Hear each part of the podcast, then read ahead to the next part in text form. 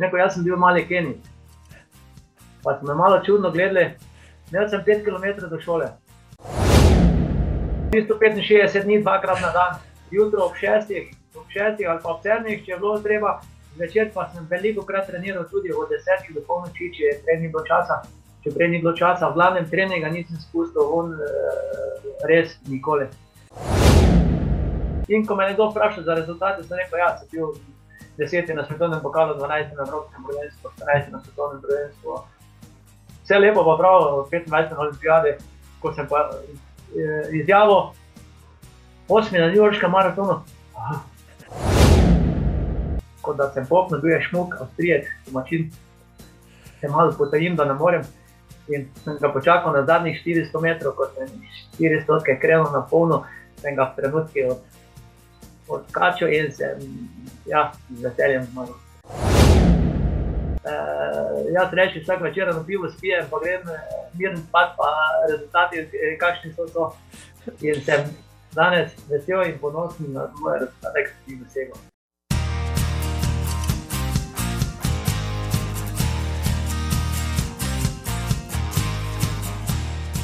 Mirko, vidiš, pozdravljeni. Živijo. Živijo. Živijo. Hvala za vaš čas in pripravljenost, da je v tem sodeloval v tem podkastu, res vas je hitro zmenila. Ja, kar, mislim, da, da ni neki veliki problem. Šoli vedno smo zelo elastični, tako da se vedno pravimo potruditi, da uresničujemo različne cilje. Super. A, vprašanje, ki ga damo vsakemu gostu. Ste danes že tekli? E, nisem, oziroma sem telovadil z otroci. Aha, ok.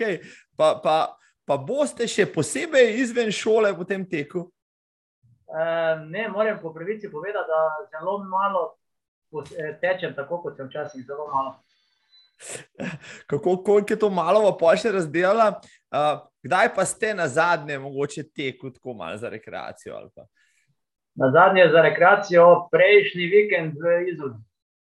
Aha, o, lepo, lepo, lepo, lepo izolaj. Oziroma, oziroma, če je malo bolj natančen, jaz redno igram za veterane podletnika, nogomet veliki, tako da sem eh, v ponedeljek odigral prvenstveno tekmo veteransko, Bravo. tako da sem kar aktiven. Se pravi, ste najdel še en šport, kjer, pač, kjer ste dober. E, jaz bom rekel, da sem vedno, vedno rad igral eh, nogomet. Eh, Tudi takrat, ko sem treniral na polno, jaz sem v Pujski mladiki 35 let igral za eno ekipo, mali nogomet. Uh, vendar sem bil vedno uh, zelo pazljiv. Uh, malo sem driblo, se pravi, če oddaš žogo, ne dobiš po noge. Uh, in pa vedno, ko sem imel kakšne tekme, takrat sem spustil ven, takrat nisem šel. Uh, se pravi, če Mirko Vindiš ne bi bil vrhunski maraton, bi bil mogoče vrhunski nogometaš? Morda, morda. no, zdaj, žal tega ne bomo vedeli, ampak nič ne ve. Ja, evo, spoštovani in spoštovane, če ga še niste prepoznali, vam to res zamerim. Z mano, z mano danes v 114. epizodi podcasta za Gre za tek je živa legenda. Uh, za mnoge najboljši tekač uh, v Sloveniji vseh časov, uh, legenda slovenskega, jugoslovanskega teka in maratona, veliki Mirko Vindiš, ki je bil v 80-ih in prvi polovici 90-ih najboljši tekač na slovenskih in jugoslovanskih tleh, večkratni državni prvak v obeh državah, nastopil je na dveh olimpijskih igrah, v Seulu in Barceloni, na svetovnem prvenstvu v Rimu, pa ste to, leta 87, pa je dosegel izjemno 14. mesto. Tretji na balkanskih igrah v maratonu je bil zmagovalec Dunajskega maratona, pre mnogih dirk v Sloveniji in v tujini, zadnji jugoslovanski in prvi slovenski rekorder v maratonu, ki ga je postavil, rekord, ki ga je postavil na New Yorkskem maratonu. Je tudi slovenski rekorder, tega pa sigurno niste vedeli, na 100 km z medaljo z Evropskega prvenstva v tej disciplini. Kot učitelj športne vzgoje v podlehniku, ljubezen do športa privzgaja mladim generacijam. Mirko, povejte mi, sigurno sem pozabil veliko stvari. Uh, mislim, da, da niste kaj dosti. Ja, je še vmes, sicer je bila dolga 20-letna karijera. To bo obdelala, tako, to bo obdelala ja. detaljno. Uh, jaz sem zbiral te vaše podatke, res, res uh, ste ogromno nastopal, uh, ogromno zmagoval, zelo konstanten ste bil v rezultatih. Um, ampak najprej mi je prišlo na misel, ko ste rekel, da ste danes otroki že tekel, pokvarjate se z, z tem, rekel, čudovitim uh, poslanstvom že kar nekaj let. Kakšna je razlika med otroki nekoč in danes? Jo velika. Velika danes, eh, moraš otroke prisiliti in prositi, da tečejo, da igrajo, da želijo igrati. Ni, niso ravno vsi, je pa kar nekaj, ko jih moraš dobesedno prisiliti. Včasih smo bili eh, bolani za žogo, bolani za. Danes, ko pridemo v, v šolo, imamo, imamo vsak svojo žogo. Včasih smo mi na vidu, ko sem jaz bil kot otrok, zbirali denar, smo šli v trgovino kupiti. Tako se v živo spomnim, žoga, ki je bila črno, eh, črno-rdeče kockaste. Na žogi je pisalo super tele, da smo žogo kupili in da smo lahko igrali eh, nogomet danes in ponujaš vse, vse, vse, pa jih je težko še pridobiti. Tako, ja. Se, se pravi, potem drži splošno že kar sprejeto dejstvo, da se je gibalna sposobnost med korono pa še poslabšala. Uh, ja, uh, kar precej, ko so se otroci vrnili posamezni v šolo, sem samo gledal, ker so določeni otroci kot otroci po 5 do 10 kg vzeli v gornjem v teh 3, 4, 5 mesecih in je bilo res, uh, ja, po svoje zastrašujoče, ko si posameznika pogledal, Ni, niso to vsi, moramo izvedeti, posamezniki pa so res ogromno izgubljeni. Ampak, vi kot strokovnjak na tem področju, kje pa so glavni vzroki za to, da recimo da v zadnjih dveh desetletjih ta gibalna sposobnost tako rapidno pada? So to druge distrakcije ali kako? Uh, jaz mislim, da je prvo kot prvo uh, ogromno računalniška zadeva, tele, telefoni, računalniki in pa način, način življenja. Jaz kot otrok, eh, takrat smo bili podeželski otroci, eh, si šel po vasi, tu so otroci posod zunaj na igrišču, na travniku, ko smo krave pasli, eh, zraven žoga in smo brcali. Če le bilo možno, smo nekaj noreli, divjali. Danes se pelješ nece čez mesto, čez vas. Ne vidiš praktično nobenega otroka, skoraj zunaj, da bi se kje igral. Eh, praktično, kot da, ko da, jaz pravim temu, kot da je bomba pala, kot da enostavno ni otrok, to otroci, samo gleda, da so starši najbolj srečni, ko otrok v sobi zaprt in eh, nimajo dobenega problema, ker vejo, da je doma, da je navarnem, da je, da je kaj pa dela, pa jih ne zanima. Mislim, jaz, jaz imam sam tri otroke in med korono sem se res trudil, da sem jih čim več teral tudi ven po hribe, pa tako naprej. Odpor je na stroški strani, seveda, ker imajo te eh, mobilne naprave, pa jih tja vlečem, ampak vseeno. Kje mislite, Mirko, da kaj lahko naredimo kot družba, ne, da otroke mogoče malo gibalno polnomočimo? Ali to se začne pri starših, kaj lahko šola naredi, družba kot taka? Prej, prej ste že odgovor. No. Imate tri otroke in ste ustrajali na tem, da so otroci eh, čim več zunaj, če le možno. Ven, ven je zunaj je friški zrak. Je, posebno jaz sem tudi mojim otrokom, ko sem jim prek zuma. Uh, gledal sem na tem, da sem čim manj pošiljal nekih mailov, nekih linkov, nekaj takega. Mi smo podeželjska šola in sem vsakamo napisal, da je uh, ven v gozd, na travnik, uh, ne se dosti giba z ostalimi sosedi in lahko vse zunaj naredimo, tako da smo veliko delali, ravno na tem je pa osnova, začetek, starši, starši, starši. Mi lahko samo damo piko na iče, mi imamo v šoli dvakrat tedensko telovadbo, 7, 8, 9 razred, oziroma športno, plus izbrani šport, če si ga otrok izbere, eh, to pa je tudi vse.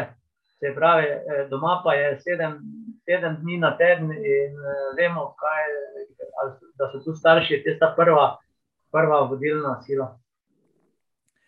A, bi bil po, potem vi tudi med podbudniki tistih, ki pravijo, da bi vsaj športne vzgoje mogli več imeti otroci v šoli, vsaj kakšno uro do dve več, no, vsaj recimo vsekakor. vsak dan pol ure za božjo voljo. Vseka, vsekakor in te ste eh, obvezni.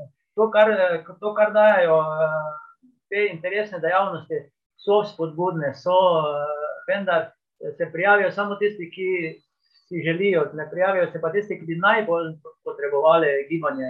Pa, ja,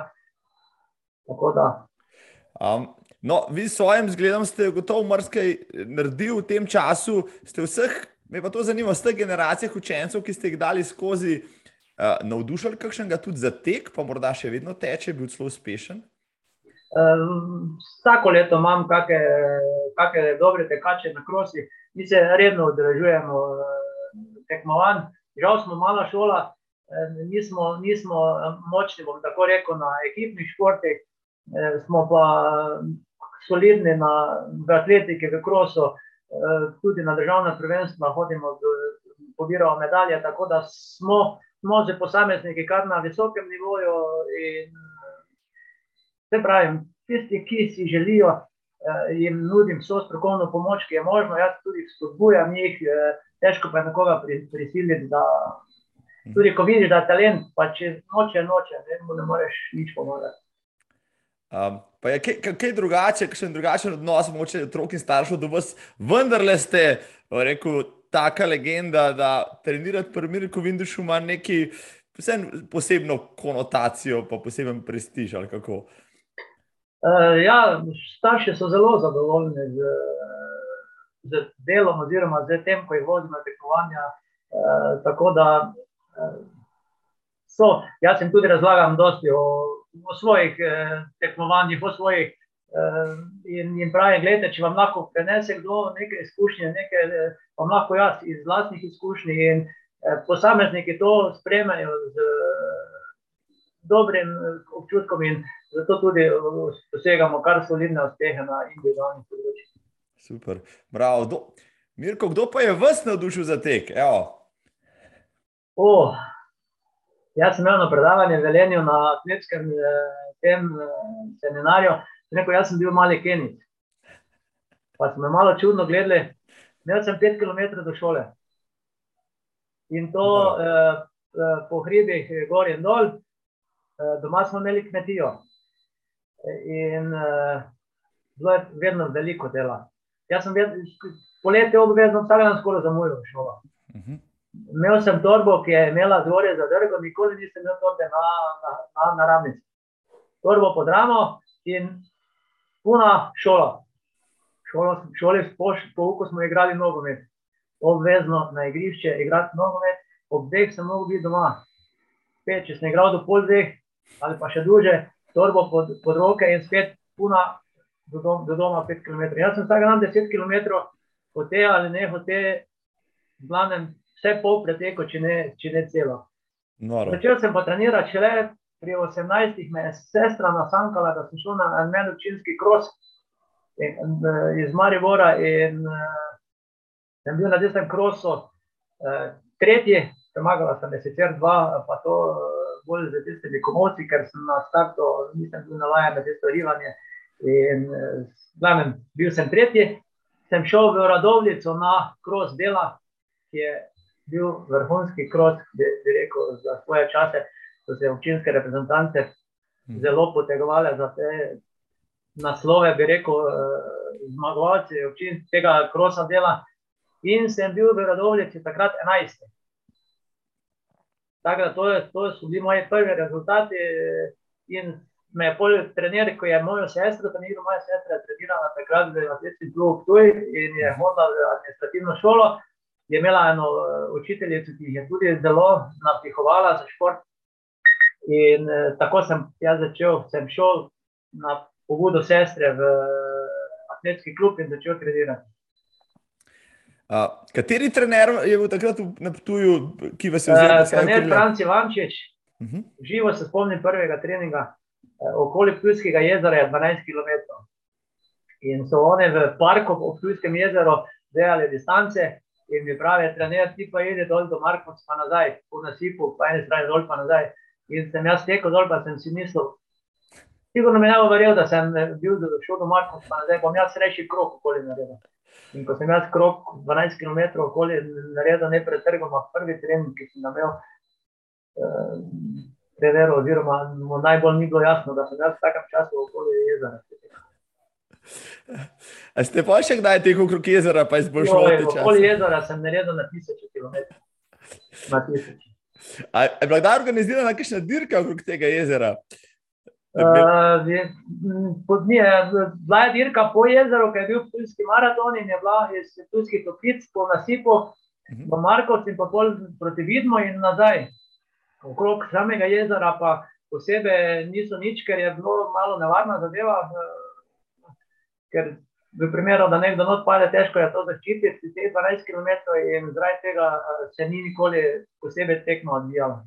No, v Markovcih vem, da imajo zdaj nek, uh, imajo pol maraton, in moj uh, ja, znanec organizira. Da, Uh mhm. -huh. Ja, bom rekel, da so ti kraje, od Marko do Cirkulan, do uh, tudi tu v Podlehniku, smo, imamo športni teden in imamo, smo, vsako leto organiziramo tek okrog ribnika v Podlehniku. Tako da so kar, bom rekel, sicer na široko neodmevne, se pa kar trudijo, pa bom rekel, organizirajo te teke po teh vaseh. Tudi na vidno imamo, zdaj po novem spet tukaj sem jaz hodil v šolo, imamo tek trojk v občinskem prazniku. Ste, ste zelo aktivni ja, v vaših koncih. Ja, ja uh, se, trudim, se trudimo, oziroma se trudijo. Um, Nekaj povejte, Mirko, ko ste prišli v klub, ja, pa so videli vaš potencial. Katere discipline ste potem v začetku trenirali? Kar vse, ali so vas, so vas dali najprej na stezo, krajše, drgant? Uh, ja, če se bi lahko še enkrat vrnil, bi se vrnil nazaj, malo drugače.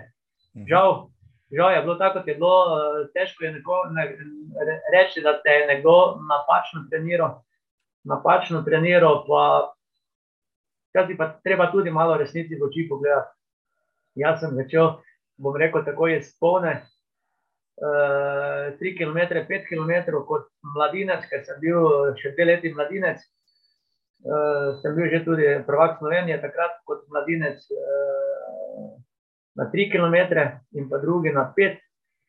Sem pa že v prvem letu treninga tekel mali maraton v, v, v, v Kranju uh mhm. -huh. in pa naslednjo leto že veliki maraton, spet v Kranju. Se pravi, po dveh letih treninga sem jaz že tekel uh, veliki maraton. Uh, Tako da sem začel prehitro, predolge stvari. Mogoče bi vsaj par let trajal na kratkih, na 1500, 3, 5, morda 10. Prehitro sem presedlal na, na maraton, kar takrat je bila ena taka bolana zadeva, kako bi rekel. Tam, ki je možno nadalje osvajati, tja je treba iti. Ne se, da bi delali po drugem vzorcu, pripeljati nekoga na vrhunec po najboljši poti. Ne? Ja. Ko sem gledal vaše statistike, ja, me je najbolj fasciniralo ravno to, ja, da ste v zgodnih 20-ih praktično bil že profiliran maratonec, dolga leta je bil to smrtni greh, so maraton šele v poznih 20-ih upeljevali, šele zadnja leta, no, ko je ta konkurenca mednarodna, vidiš 22-23-letnega Kenica ali pa so 20-letnega Etiopica, ki teče na velikem maratonu, ampak prej je bila to bolj izjema kot pravilo, vi ste pa to počeli že 40 let nazaj. No, in se pravi, se rekel, vas moramo vprašati, kako to, da ste. Vem, pri 22-ih že tekel maraton na Balkanskem prvenstvu, sicer osvojil medaljo, ampak vseeno, zelo mlad ste bil najbrž med tistimi tekači. Prvo sem bil zelo mlad, sem pa verjetno mi je nekaj prinesel to, kar sem prej rekel, da sem tekel že kot otrok v šolo vsak dan, sem tja, da sem imel tiste predispozicije eh, in pa istočasno pohlep, eh, bom rekel, pohlep trenerja ali kluba, bom rekel, pred trenerja kluba, po medaljah, po reprezentanci, po, po vsem tem.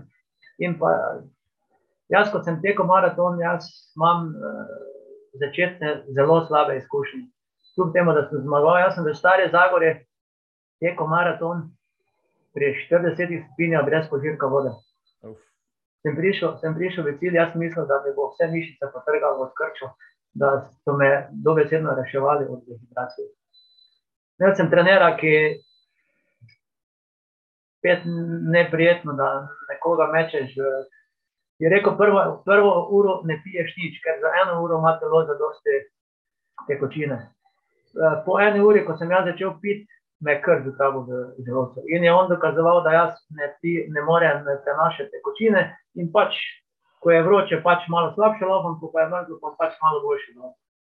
Kar, ja, zgrešeno. Sigurno ne bi šlo več. In tako sem, Balkanjado v Stare Zagore, ki bi jo verjetno z lahkoto dobo, Balkanjado v Ljubljani, ki bi jo verjetno z lahkoto dobo, Univerzijado v Zagrebi, ki bi vse medalje dobo ali pa celo. Jaz sem se prvih 30 km zajeval ali pa 25 heco, heco za cene, ko pa je prišlo do te dehidracije na 30, 35, pa več. Vemo, kaj pomeni dehidracija in testa. Uh, močna dehidracija, da ni več prenosa kisika, da ni enostavno. Ja. Tako da sem jaz še le, bil sem, bil sem kako bi rekel, mlad, uh, verjamem svojemu trenerju in je to to. Ne. Dokler nisem šel v Seul na svetovni pokal uh, z Leo Langom, vemo, da je bil uh, trener Veren Nikolič, ki je prva tekla pod 2 minuti 800 metrov in se pot do Seula bila dolga, se mi pogovarjamo, to, ono, tretje. In jaz njemu to razložim, je rekel, Mirko, pa to tako ne gre. In povem, kaj vse. Jaz sem na testem prvem maratonu lahko že državni rekord, 2, 14, 47, kar so bili vsi začudeni. Pravi, samo, samo en pristop, ki je bil, je bil že zelo pomemben. Ja. Bom rekel, imam ogromno negativnih izkušenj, da sem prišel do, do, do nekih spoznanj. Uh, no, ampak s trenerjem ste še, še delal kar nekaj časa, potem, ali kako ali ste potem presedlal na koga drugega? Uh, jaz sem presedlal bolj na, na samo uk. Uh mhm. -huh. Jaz sem, sam, jaz sem po, po olimpijadi veselo, uh, sam sebe treniral. Uh, samo takrat se nisem več vračal, vračal nazaj na, na tiste kratke proge.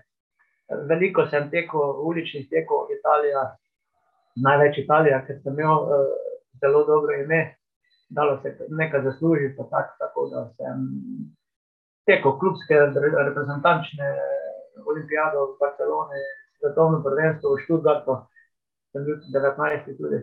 Tako da, ja.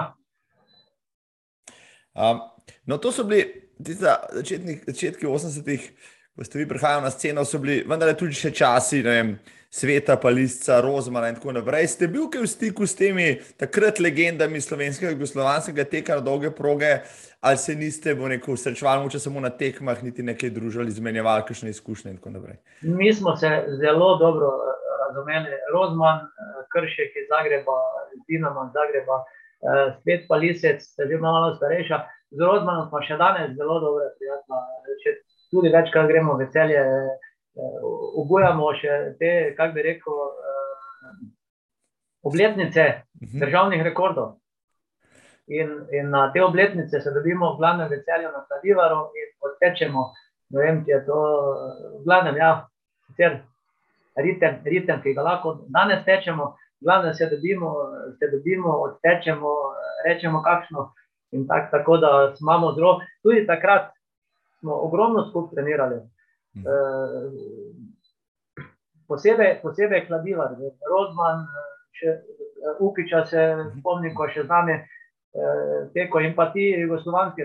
Mi smo imeli v Medolino bazo. Jugoslavija je takrat uh, bila uh, zelo odprta za, za treniranje. Uh, Atletka zveza Jugoslavije je veliko dala, ko je pri nas zelo mrzlo, ko je padal sneg, Samo sem zavrtel telefon, sem poklical Dane Takorico, ki je bil selektor v Spanske reprezentance. Dane, pri nas je sneg, pri nas je mrzlo, Medolin, Medolin, eh, tam je odprta navitilnica, smo lahko trenirali, no. koliko smo hteli z Medolin. Tako da smo imeli res pogoje, s tem, da sem jaz imel eno smolo, ker sem eh, celo življenje eh, hodil v službo. Jaz sem pozneje obdelo študiral, sem hodil v službo in koliko je bilo časa, toliko, ker sem bil svoje čase tudi izobraževalec na tujskem stadionu, eh, pet let, tako da so mi omogočili, da sem lahko v zimskih časih, ko ni bilo toliko dela eh, na zunanjih objektih, sem lahko šel v Medolin. Tako da smo veliko v Medolinu trenirali skupaj, skupaj in še danes eh, se družimo in poznamo. Um, bravo, zdaj. Um, če so bili že oni pač vzorniki, rekel mlajši, ne ste vi potem postali vzornik ostalim. Um, ste se takrat tudi razgledoval, recimo, poznal ste potem, hitro ste prišli na svetovno sceno, velika imena, rekel, svetovne atletike. Vam je bil kdo prav poseben, rekel, idol, po katerem ste se, ste se ravno vzgledoval? Ja, uh, osebno sem se poznal z vsemi italijanskimi tekači, od Bordina, olimpijskega prvaka do uh, Kova, Paneta, ki so bili vsi olimpijski prvaki, Paneta, Vestipro, Kova na 10 km, Antibo na 5 km. Vse ti, vsi ti so bili moji v nekem smislu prijatelji, ker sem veliko tekel po, po Italiji. In Bordin je bil eno od tistih, ki je bil res kot prijatelj, kot kot rekel, vzornik. Tudi premagal sem ga enkrat na male maratone.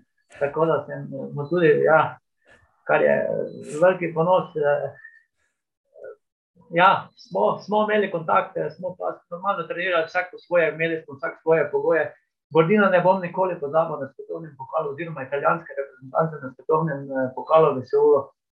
Smo na enem stadionu, eh, se dobili tam, ko je pač bilo ogrevanje, pa start, pa vse ostalo na zunanjem igrišču eh, olimpijske, olimpijskega stadiona. In normalno, dve ure prej si bil tam, sediš, jaz sedim tam z enim zidom, čakam, kot so italijani imeli od masažne mize do ne vem koliko stavnikov eh, vsega okrog. Jaz tam kot reček sedim, pa, pa gledam, kaj, kaj, kaj delajo drugi, napitke takšne drugačne, mi pa, ja, bi pa siromahi, pa vendarle, ne, ste bili kar ja. rekel, konkurenčni ali uspešni. Ja, takrat sem bil deseti na svetovnem pokalu, Sulu, kar je bil izjemen rezultat. Izjemen rezultat. No, Mirko, ko so pa, recimo, za, za, za plastično primerjavo, marsikdo od tudi atletov, pa tekačev nasploh, ki jih danes zanimajo treningi. Veliko velikih imen. Kako so zagledali, recimo, vaše treninge? Koliko kilometraže je bilo to na teden, koliko treningov, kako je bil kakšen strukturiran, čisto, da si mal lažje predstavljamo, koliko ste mogli vložiti. Recimo, jaz sem pred vsakim treningom naredil 5 km ogrevanja, uh, vaja in pa stopnjevanja, kar je trajalo cirka 50 eh, do 1 ure. Pol pa je bil trening od 12 do 15 krat km, z minuto po pol pauze. 25 do 30 krat 400 metrov, recimo kilometre sem delal tam v, na brzini 2,52 do 3,0, 3,0 je že bilo počasi. Je že bilo počasi, 4 stotke tam, okoli 64, 65, z 200 metrov kaskanja, 25 krat recimo. Enkrat tedensko je bila dolga kilometraža, tam je 40 po 50 km, ki sem jih z rokava strosil, če bi tako rekel. Razen, ko so bile vročine, takrat pa ne, od tuja do Ptujske, oziroma Ptujske gore stopati, se tja gor pa nazaj, brez požirka voda. Včasih sem, ko sem prišel nazaj čez Tujski most, ko sem tekel proti Napsuj, se mi je že vrtelo. Drugače pa ja, uh, enkrat, dvakrat tedensko je bil kakšen lažji, lažji tek. Nikoli nisem bil v Copatu, da sem naredil manj kot 10 km. Prav. To, recimo, ne vem, če sem imel popoldne tekmo, si dopoldne naredil 10 km lahkotnega teka ali pa prvi dan. 10 km, to je bila čisto normalna, normalna dolžina, pa gor naprej. Mislim, da včasih preveč, preveč, tudi recimo 15 krat km je bilo verjetno veliko krat preveč. Mogoče 8 je bil, 8 je bil tisti, ko je šla piramida gor, pri 9, pri 9 ali 10 je že šla piramida na zdaj dol in ko je bil, nikoli nisem rekel treneru, da treninga ne morem upraviti do, ja, In veliko krat je verjetno bil trening na koncu bolj negativen kot pozitiven, ker sem veliko krat pregorel. Mhm. Pregorel tako, da sem uh, mogel politi v Kiriču šumo, pet dni, deset dni samo tečkarati, ker se mi je vrtelo v glavi od izčrpanosti. Noro. Pa, pa so vsi ti napori v športu vplivali tudi na vaše delo, oziroma obratno, no, ste lahko vse skupaj kombinirali. Jaz si ne predstavljam, da bi po 15 km naslednji dan sploh šel po stopnicah, kaj šele na šihta, ne? vi pa ste mogli to delati z dneva v dan. Ja, bom rekel, je, je lopala zadeva, organizem se navadi, vse razen, da pravim. To, da ne bi šel na šihta, to ni bilo vprašanje nikoli. Uh, razen, da ko, ko sem pa v to krizo, takrat pač nisem mogel treningov delati takšne, kot sem delal. Sem šel te dni, deset dni, uh, jutro deset, popoldne deset ali pa petnajst lahkotnega teka, da se je organizem spet pomogel, pol pa spet na polno. No, super. Um. 365 dni, dvakrat na dan, jutro ob šestih, ob šestih ali pa ob sedmih, če je bilo treba. Zvečer pa sem veliko krat treniral tudi od desetih do polnoči, če prej ni bilo časa. Če prej ni bilo časa, v glavnem treninga nisem spustil, on res nikoli. To, kar je trener napisal, to sem naredil. Bravo. Pravi, pravi, ta vaša klenost, ta mentaliteta, ta vzgoja na vas, na kmetiji, vas je naredila garača že v startu. Ne predstavljam si, da, da bi danes kakšen atlet treniral na tak način. Uh, vi pa ste zelo hitro zapopadli, no, se pravi, pa zelo hitro ste tudi prebil. Kako ste vi takrat doživljali ta svoj, rekel, zelo hiter uspon, pa tudi preboj, rekel, jugoslovansko reprezentanco, ki je bila kar nekaj posebnega, kakšna posebna čast, da si tja prišel. Uh, ja, vsekakor ti godi, če bi rekel, da, ni, da ne je to uh, sem bil, jaz sem pre, že v, kot mladinec, se pravi, v drugem letu mojega treninga, sem že prišel v Jugoslavijsko reprezentanco v Kroso.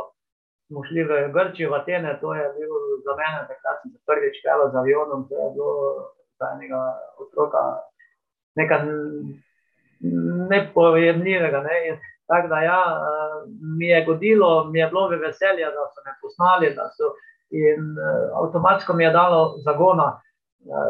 Tudi če je bil dež, če je bilo slabo vreme, če vse, sem vedno sebi rekel, tudi če konkurenca morda trenira na, na toplem, lepem, suhem, če čem biti enako vreden, morem. Mar si kdaj mi se ni dalo, ko je šel sneg, ko je šel dež, ko sem čez okno ven gledal, in jo, pa kak se je da. Uh, sem pa vedel, treba samo ven stopiti in prebiti let. To je bilo kilometr, kilometr dva, ko si bil v zagonu, ni bilo več nič problem. Samo prvi korak je treba narediti. Jo, kako se, se strinjam z nami, Mirko, to drži še danes. Rekel, vsakeč znova po dveh kilometrih pomislim, kaj sem razmišljal pred 15 minutami in se rečem res, uh, kako, kako nisem vedel, da bo tako dobro, ampak ja, sam sebe premagati najteže. Uh, Jaz sem gledal to vašo znam, statistiko, pa rezultate. Pa če bi mogel izbrati, katero leto je bilo res vaše leto, bi jaz rekel 1987, z maratoni, svetovnim prvenstvom, um, Zagreb, Seul, uh, New York na koncu z državnim. Res, res, res nora sezona. No? Kako ste jo videli živelo? Ja, res bila je tako praktično neka spontana sezona, ki sploh ni bila načrtovana. Uh, pred olimpijskimi igrami eh, je Leo Lang, tako sem že prej rekel, trener iz Zagreba, eh, imel eno pot v Seuli in se je nekako smenil z Atletsko zvezo eh, Jugoslavije, da bi on pel kakega tekača na svetovni pokal. In je Atletska zveza Jugoslavija v Medolinu organizirala tek na 30 km, da so, ker so rekli, da sploh vidijo, če je kdo sposoben, da gre v, v Seul na, ta, na, to, na to tekmo. In tam sem jaz sicer gladko zmagal, tudi z odličnim časom, mislim, da je zelo boljši, kot imam uh, uradni državni rekord na 30 km, vendar je to nepriznano. In na tak način sem šel jaz, te pa rekel, naš grejan zraven, pa še šel iz Sailovič, iz Beograda, iz uh, Partizana. Tako da me je pelo dva čisto ločeno na ta svetovni pokal, da se ur. In tam se je dosegel tisti rezultat, ki se je dosegel ki me je bolj popeljal na svetovno prvenstvo v Rimu. Seveda, ker je, je v, v državi Ohio, v Pittsburghu, je en tek, pis res, tek miru. In vsako leto so povabili, tam, pred, tam smo spali pri družinah, so oni povabili nekoga iz različnih držav. In iz Jugoslavije so me vprašali, če bi jaz šel, so me z Beograda klicali, bi šel, rekel, seveda bi šel za New York, bi šel vsakem primeru. Ja. In tako sem dobil avionsko karto, potoval za, na to tekmo, ki je bila v, sred, v eno nedeljo, potem pa v sredo šel za New York in v New Yorku. Na ta maraton v New Yorku sem bil sam, dobesedno sam, brez vsakega spremstva, brez vsega. Tako da sem tudi tam pol vrhunsko odlaupal. Je bilo res, bom rekel, nepozabno. Rekel, ja. Če za trenutek gremo še nazaj v Rim, no, kako ste pri 23. živeli svetovno prvenstvo, ja, takrat je zmagal, če se ne motim, Kenic, se je začela malo kenijska prevlada, Bordini je bil tretji, vi ste premagali. Ne, zmagal je v Rimu, je zmagal Salih iz Džibutija. Ha, Džibutija. Salih, Salih Džibutija, ki je bil bolj tretji na olimpijadu, da se volo. Potem pa je bil tretji, pa je potem zmagal. Tako, tako. Ja. Ja, zelo, zelo, tiste tri meseca so se premešali v tistih dveh letih, no, ampak vi ste bili posod zraven, držal ste stik, premagal ste, rekel, uh, če sem prav videl. Uh, Herberta Štefnija, ki je kasneje napisal te kaško Biblijo, je bil za vami, pa Španci, Japonci, Etiopci, vsi za Jugoslovanom Vindišem. No, to je mogla biti pa res, res, res huda dirka, no si predstavljam.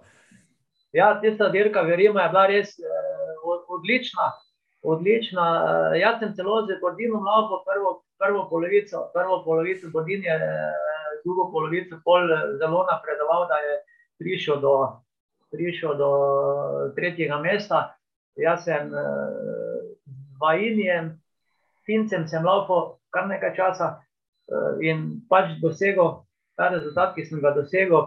Uh, ne bom pa nikoli pozabil, to je bilo ipak svetovno prvenstvo, prvo svetovno prvenstvo. Ko, ko pretečeš po 40 km, uh, danes mi ni všeč, ker ni več tako, kot je bilo včasih. Včasih je bil maraton. Uh, kraljeva disciplina. Je, sicer je bila tudi 100 metrov kraljeva disciplina, še posebej pa maraton. Maraton se je tekel vedno zadnji dan. Uh mhm. -huh.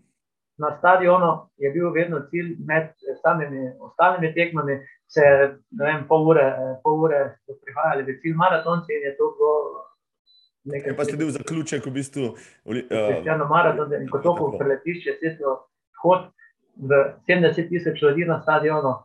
To je Ja. Nepozabno. Ne, nepozabno.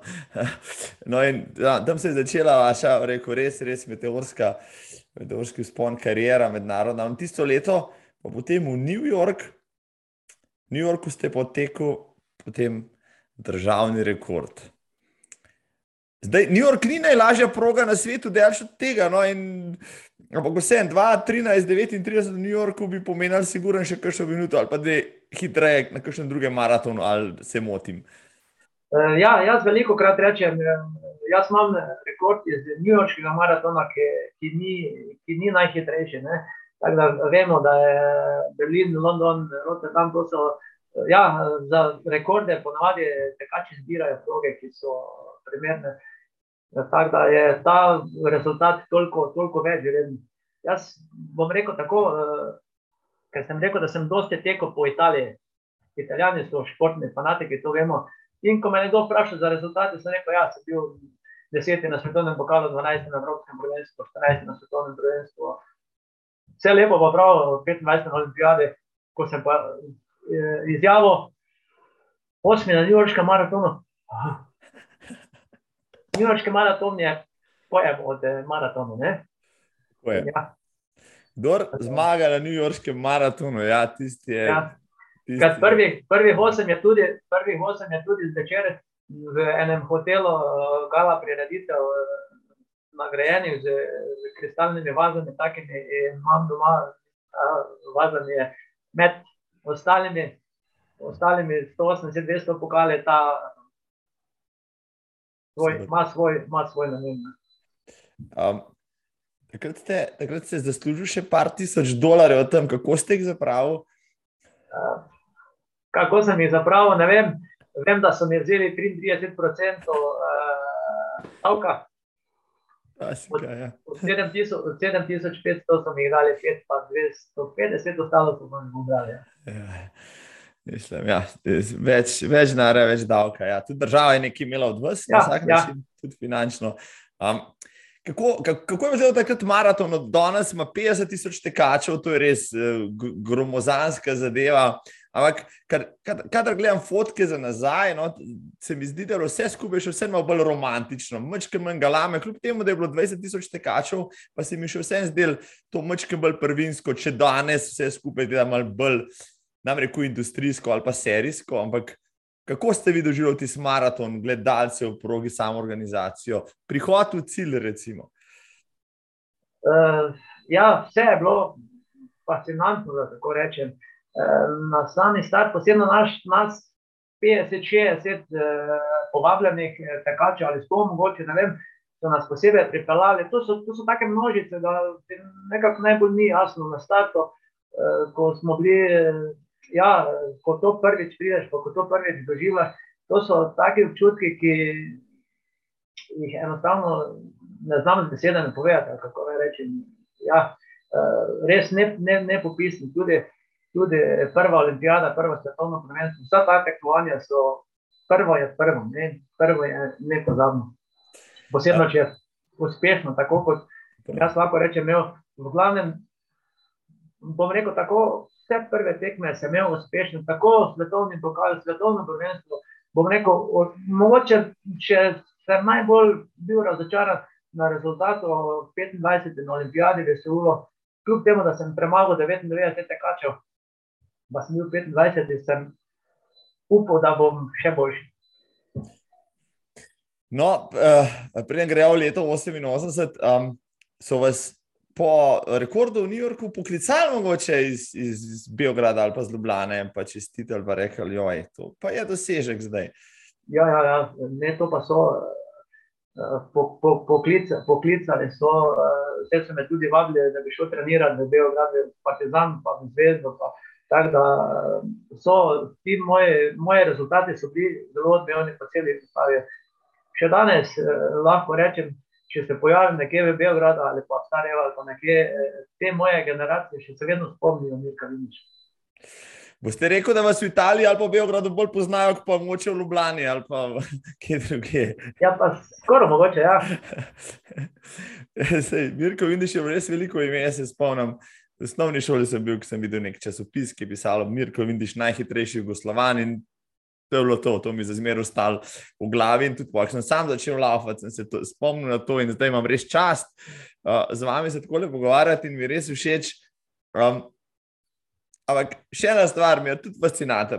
Danes bojo rekli vsi trenerji, vrhunski maratonec, več kot dva maratona na leto.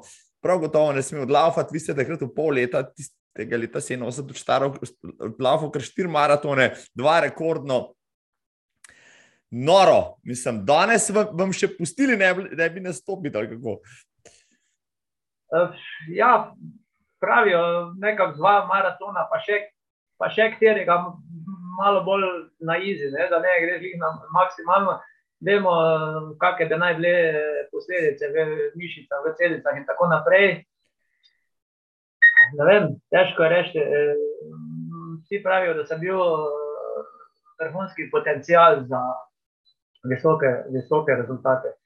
Eh, če bi imel ozadje porihtano, če bi imel ne vem, od neke zdravniške eh, oskrbe, mhm. ki je tudi ena, ena veja na moje, na moje, kar, moje karieri, ki je zelo zanimiva, do uh, samih trenerov in tako naprej, bi, jaz sem prepričan, da bi kako medaljo dobil tudi na kakšnem večjem tekmovanju. Pa žal je bilo tako, kot je bilo, in danes ne more spremenjati več. Ja, žal ne, ampak je pa, je, ste pa v zasegu ogromno. Recimo, uh, ste leta 80 na Dunajski maraton še samo inicijativno vas povabili? Uh, samo inicijativno sem šel, oziroma sem eno leto prej že na Dunajskem maratonu. In, uh, sem rekel, gled, grem, še, grem še na tega enega, pa da, da provam malo boljše odlopiti. Blizu je bil, eh, denarne nagrade so bile in je to malo potegnilo.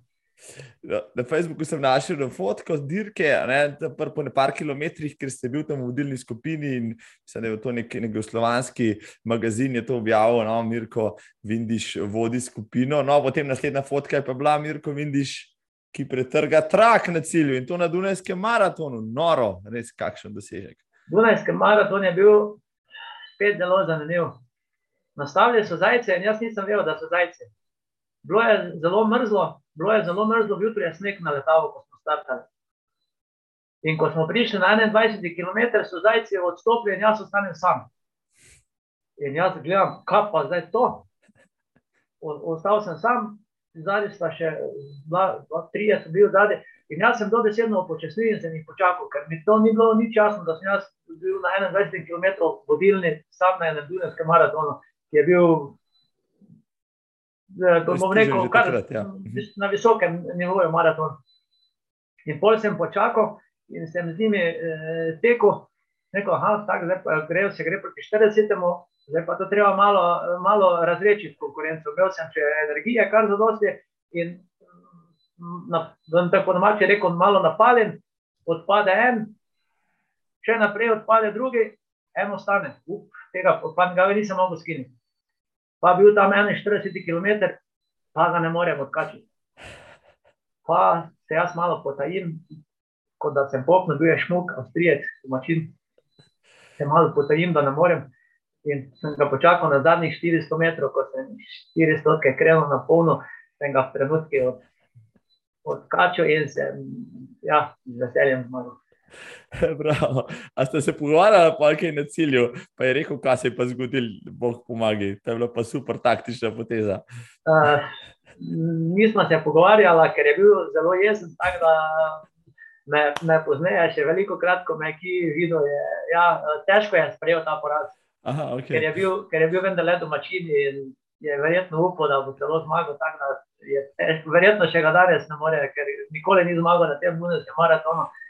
Ja, tako da, ja. ja super, super zgodba. No, ta, ampak Dunajski maraton, ja, in to je bilo v letu, ko ste šli na olimpijske.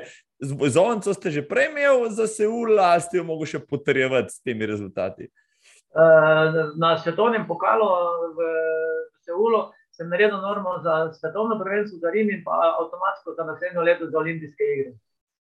Uh mhm. -huh. Tako da ni bilo več, ni bilo potrebno potrjevati ste potem še enkrat potovali spet nazaj v, v, v, v, v Korejo. Ja, ja, ste bili že domač tam. Če ste po drugi strani, tako da je prvič sem potoval čez eh, Aljasko, čez Ejkoreč, eh, drugič po spodnji strani čez Arabijo, tako da sem cel krok. krok, krok okoli zemlje.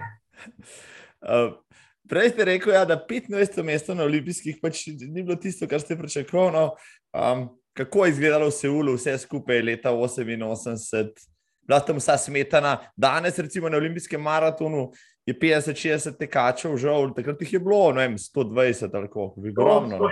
124. Tako. 124, uh, imam doma en tak en veliki, ena oboževalka oziroma navijačica mi je poslala po pošti, uh, ki je izročno izšivala uh, taki goblin veliki, in mi je zadnji napisala in posvetila, in med drugim tudi, da naj bom ponosen, ker sem premagal 99 tekačev.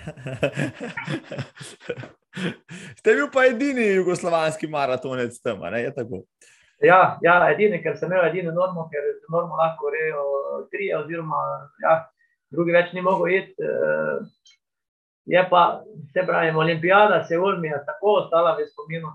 Tu so bili še pozneje, ko smo se srečevali v Barceloni, od Matija Ljubeka, ki je imel 12 let medalj na, svetovnih prvenstvih v olimpijskih igrah, je bil takrat nosilec zastave. To, uh, še Ivaniševič je bil takrat star 18 let, ko je v parih z Bogom, Živojinovičem igral uh, tenis.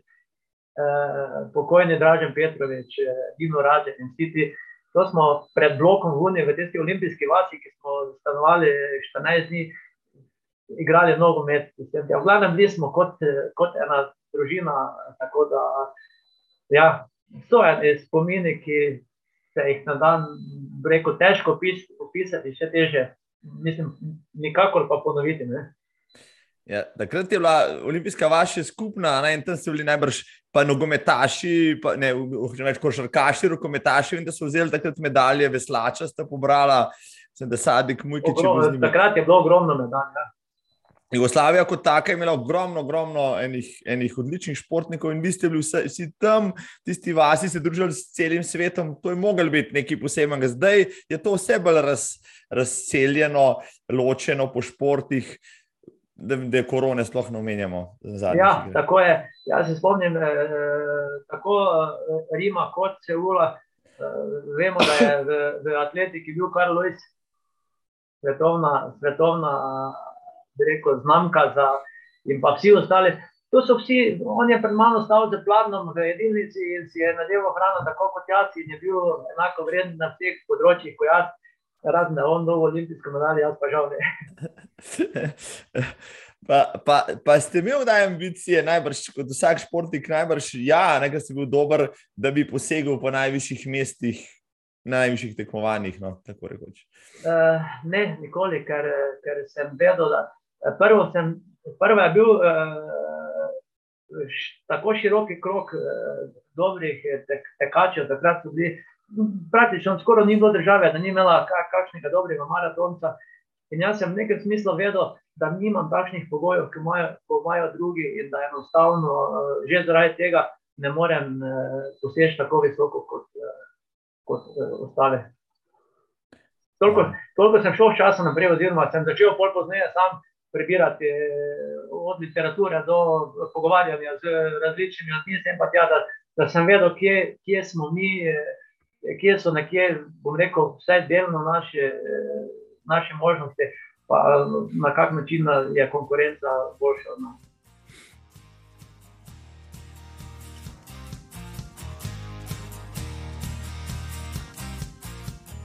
Poznali ste svetovno konkurenco, uh, spoznavali ste v živo, tudi oni so poznali vas, pa vedeli, v kakšnih pogojih ste, konec koncev.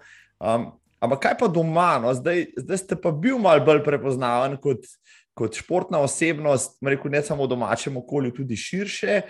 Vendar le si, si predstavljam, jaz sem tudi kmetov doma, ko sem začel teči. Je mrz to rekel, se imaš kakšno boljše delo, kot se poditi le po cestah, pa je trajši na nivo ali pa ostalo. Um, no ampak vi pa ste s tem športom tudi če je kdaj kdo malo zavijal z očmi, nekaj dosegel, so vas gledali zdaj malo z večjim spoštovanjem, pa vam dal, da je kapo dol, Mirko, splačal se je. Ja, imam veliko, anegdot, veliko, eh, težko vse povem danes tu. E, že kot moj oče, ko sem začel, tam ide za kravami leta, tam ono, tam ono, e, tako se je začelo. Ne? Ko sem začel prve uspehe, že ko sem bil v tujskem tedniku, ko sem bil prvi članek, drugi članek, je postal, eh, je postal eh, že ponosen. Pozneje, pozneje, ko smo kaj delali doma, ko se je večer približevala, je rekel, kaj pa dnes ne greš na trening. E, tako da e, so, ja, na začetku pa so se ljudje spraševali, kaj se je to tam zmešalo, kaj je kakšni gori. Kaj, ja, ko sem prvo, prvo leto, dve, eh, ker sem pa hitro dosegel rezultate, ker sem hitro, eh, ja, je po prepoznavnost, ne bom nikoli pozabil. Po pliskem nasipu sem tekel eno večer in stavim starim možakar, pa eh, žena. Uh, šla z samokolnico, travo kositi za krave, da nekaj sem jaz spodaj, tako pod nasipom spodaj, pa se mi gospod, da je gor, le leti, le leti, vse že vidiš, že davno tu mimo leto. Ker me ni prepoznal, samo pa sem bil bolj počasen, rekel je, ja, tako, eh, veliko anegdot. Še, še bolj zanimivo, mislim, zanimivo anegdota, ko sem na Dunajskem maratonu dobil avto za prvo mesto. Se nisem, 150 tisoč šilingov mi je dal eh, organizator, da bi mu pustil avto, da ga ne bi odpeljal. In sem rekel, če je možno, ga pelam na tuj, da ga ljudje vidijo. Pa če ga nikoli ne bom vozil, nikoli ga imel, samo da ne bojo stalno rekli, lečeš kot tele za stojn. Eh, ja. A so ga potem videli, ste ga uspeli do tega pripeljati? To, so, oh, to je dolga priča, o tem avtu je dolga priča. Čez leto pa pol sem ga uradno vozil. Eh, prvo mi ga niso pustili, jugoslovanska carina mi ga ni pustila voziti. Jaz sem probne tablice zrihtal na Dunaju, sem ga pripeljal v Šentilj. V Šentilju sem prišel čez mejo, ko, jaz sem vedno pravim, da sem prišel čez mejo kot Jožen, kot Tito. Jaz sem pustil avto na avstrijski strani in se šel peš na, na našo carino v Šentilju. Tam je bil policaj in kolega tu blizu mene doma in jaz vprašam, če lahko prija z avtom prek, je pravi, normalno, veža tam pospusti prek, pa kar god. In to so bile kolone, ne normalno dolge na čezmejni prehod, pa tja proti Avstriji, rekel, gledaj, tu v sredini se pripelje. Levo kolona, desno kolona, jaz po sredini, rdeči, Renault 21, uh, uh, veliki napis, gor, ena prej smaner, tako da sem se dobesedno pripeljal sam na meni prehod, ko je že. Ta fotka bi bila danes nekaj vredna. Ja. no, um, tiste, takrat ste, ko ste postavili tisto leto in državni rekord v maratonu, sem že rekla, pa tudi v pol maratonu, če se motim. Ne? Tako da ste v bistvu časno rekorder na obeh razdaljah. Uh, ne, pol maraton je zanimiva zadeva. Po maratonu sem jaz eh, tekel prvič v Radenci in sem postavil rekord 1,05, nekaj takega. Pa mhm. naslednjo leto 1,03, pa naslednjo leto 1,01, 36. In je bil ta rekord Slovenije 10-15 let, je prišel na Atletsko zvezdo gospod Petr, Petr Nel uh mhm. -huh. in je rekel, to ni uradna proga in so mi rekord zbrisali. Tako da sem, ja. No, ampak ste pa znov povedati, da ste zadnji in, in, in večni rekorder Jugoslavije v maratonu, ker Jugoslavija pa razpadla, ko ste bili še rekorder. Ja, tako je Jugoslavija je razpadla. Jaz se vedno hvalim, tako malo, da sem zadnji in večni rekorder Jugoslavije. Uh, ja, doma v zbirki imam tudi ene pokale. Bil sem petkrat zapored, uh, prvak Jugoslavije, v malem maratonu, skumrovca. Tam so podeljevali, oziroma imeli eh, prehodne pokale, ki ga ni mogel nišče dobiti. Uh mhm. -huh. Prehodne pokale za posameznika in pa prehodne pokale za ekipo, ki so osvajali po celi Jugoslaviji, od Dinama Sarajevo, Beograd, Zvezda, Partizan in pa Franjo Mihalič, naša legendna maratonska z olimpijsko medaljo, je dobil petkrat ta posamezni pokal, isto kot jaz. On ga ni dobil zapored, jaz sem dobil zapored in vemo, da je razpala Jugoslavija da sta ta dva pokala ostala pri meni, še danes sta pri meni od leta 53 naprej, ko je, ko je začela ta tekmovanja do leta 90 in ni še ne vprašal za njih. Jaz mislim, da to je zgodovinska, zgodovinska vrednost, da ti pokali zgodovinska. Vse, vse za, za mene, če vemo, kaj to pomeni. Organizator so bile sportske novosti. In imam v namenu, da bi enkrat poklical sportske novosti, pa rekel: Poslušajte, imam zadeve, ki škoda, da bojo zdaj romale na smeti, da bi mogoče bilo fajn, če bi to nekomu eh, vrnil ali dal za neko zgodovinsko arhivo. Recimo, ja, ali pa še muzej ali kaj podobnega. Ja, to, ja, ja. To, to, je res, to, je, to je res neprecenljivo, tega ne moreš kupiti, to si lahko sam zaslužiš, pa še tako težko. Um, No, potem, ko je Jugoslavija razpadla, vi ste pa še kar trenirali in potem, tem, leta 92, ste bili po slovenski reprezentanci na, na, na olimpijskih v Barceloni.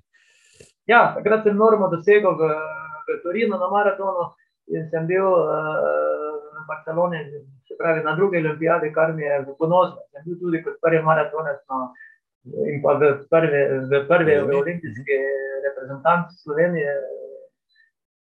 Sem pa spet tudi v Barceloni, sem malo napake naredil. Eh, sem hotel biti vse boljši, kot sem bil v Seulu, sem bil na koncu slabši.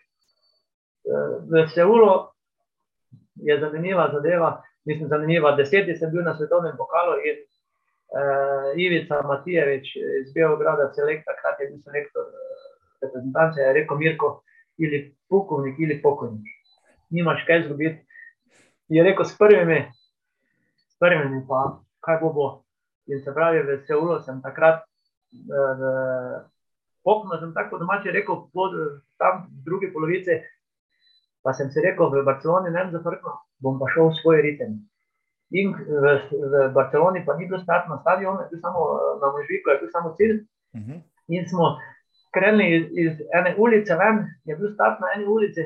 In sem jaz spustil vodilno skupino, ko smo prišli na obalo in se obrnili proti Barceloni, pa je piho močni veter.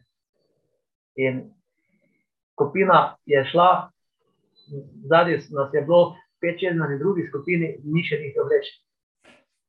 In, smo, in sem, tako da sem bil na koncu 40, da sem naredil v nekem smislu. V Seulu pa bila tako hitra, tak hiter začetek, da je bil verjetno malo prehiter začetek, in lahko malo počasneje, počasneje začeti.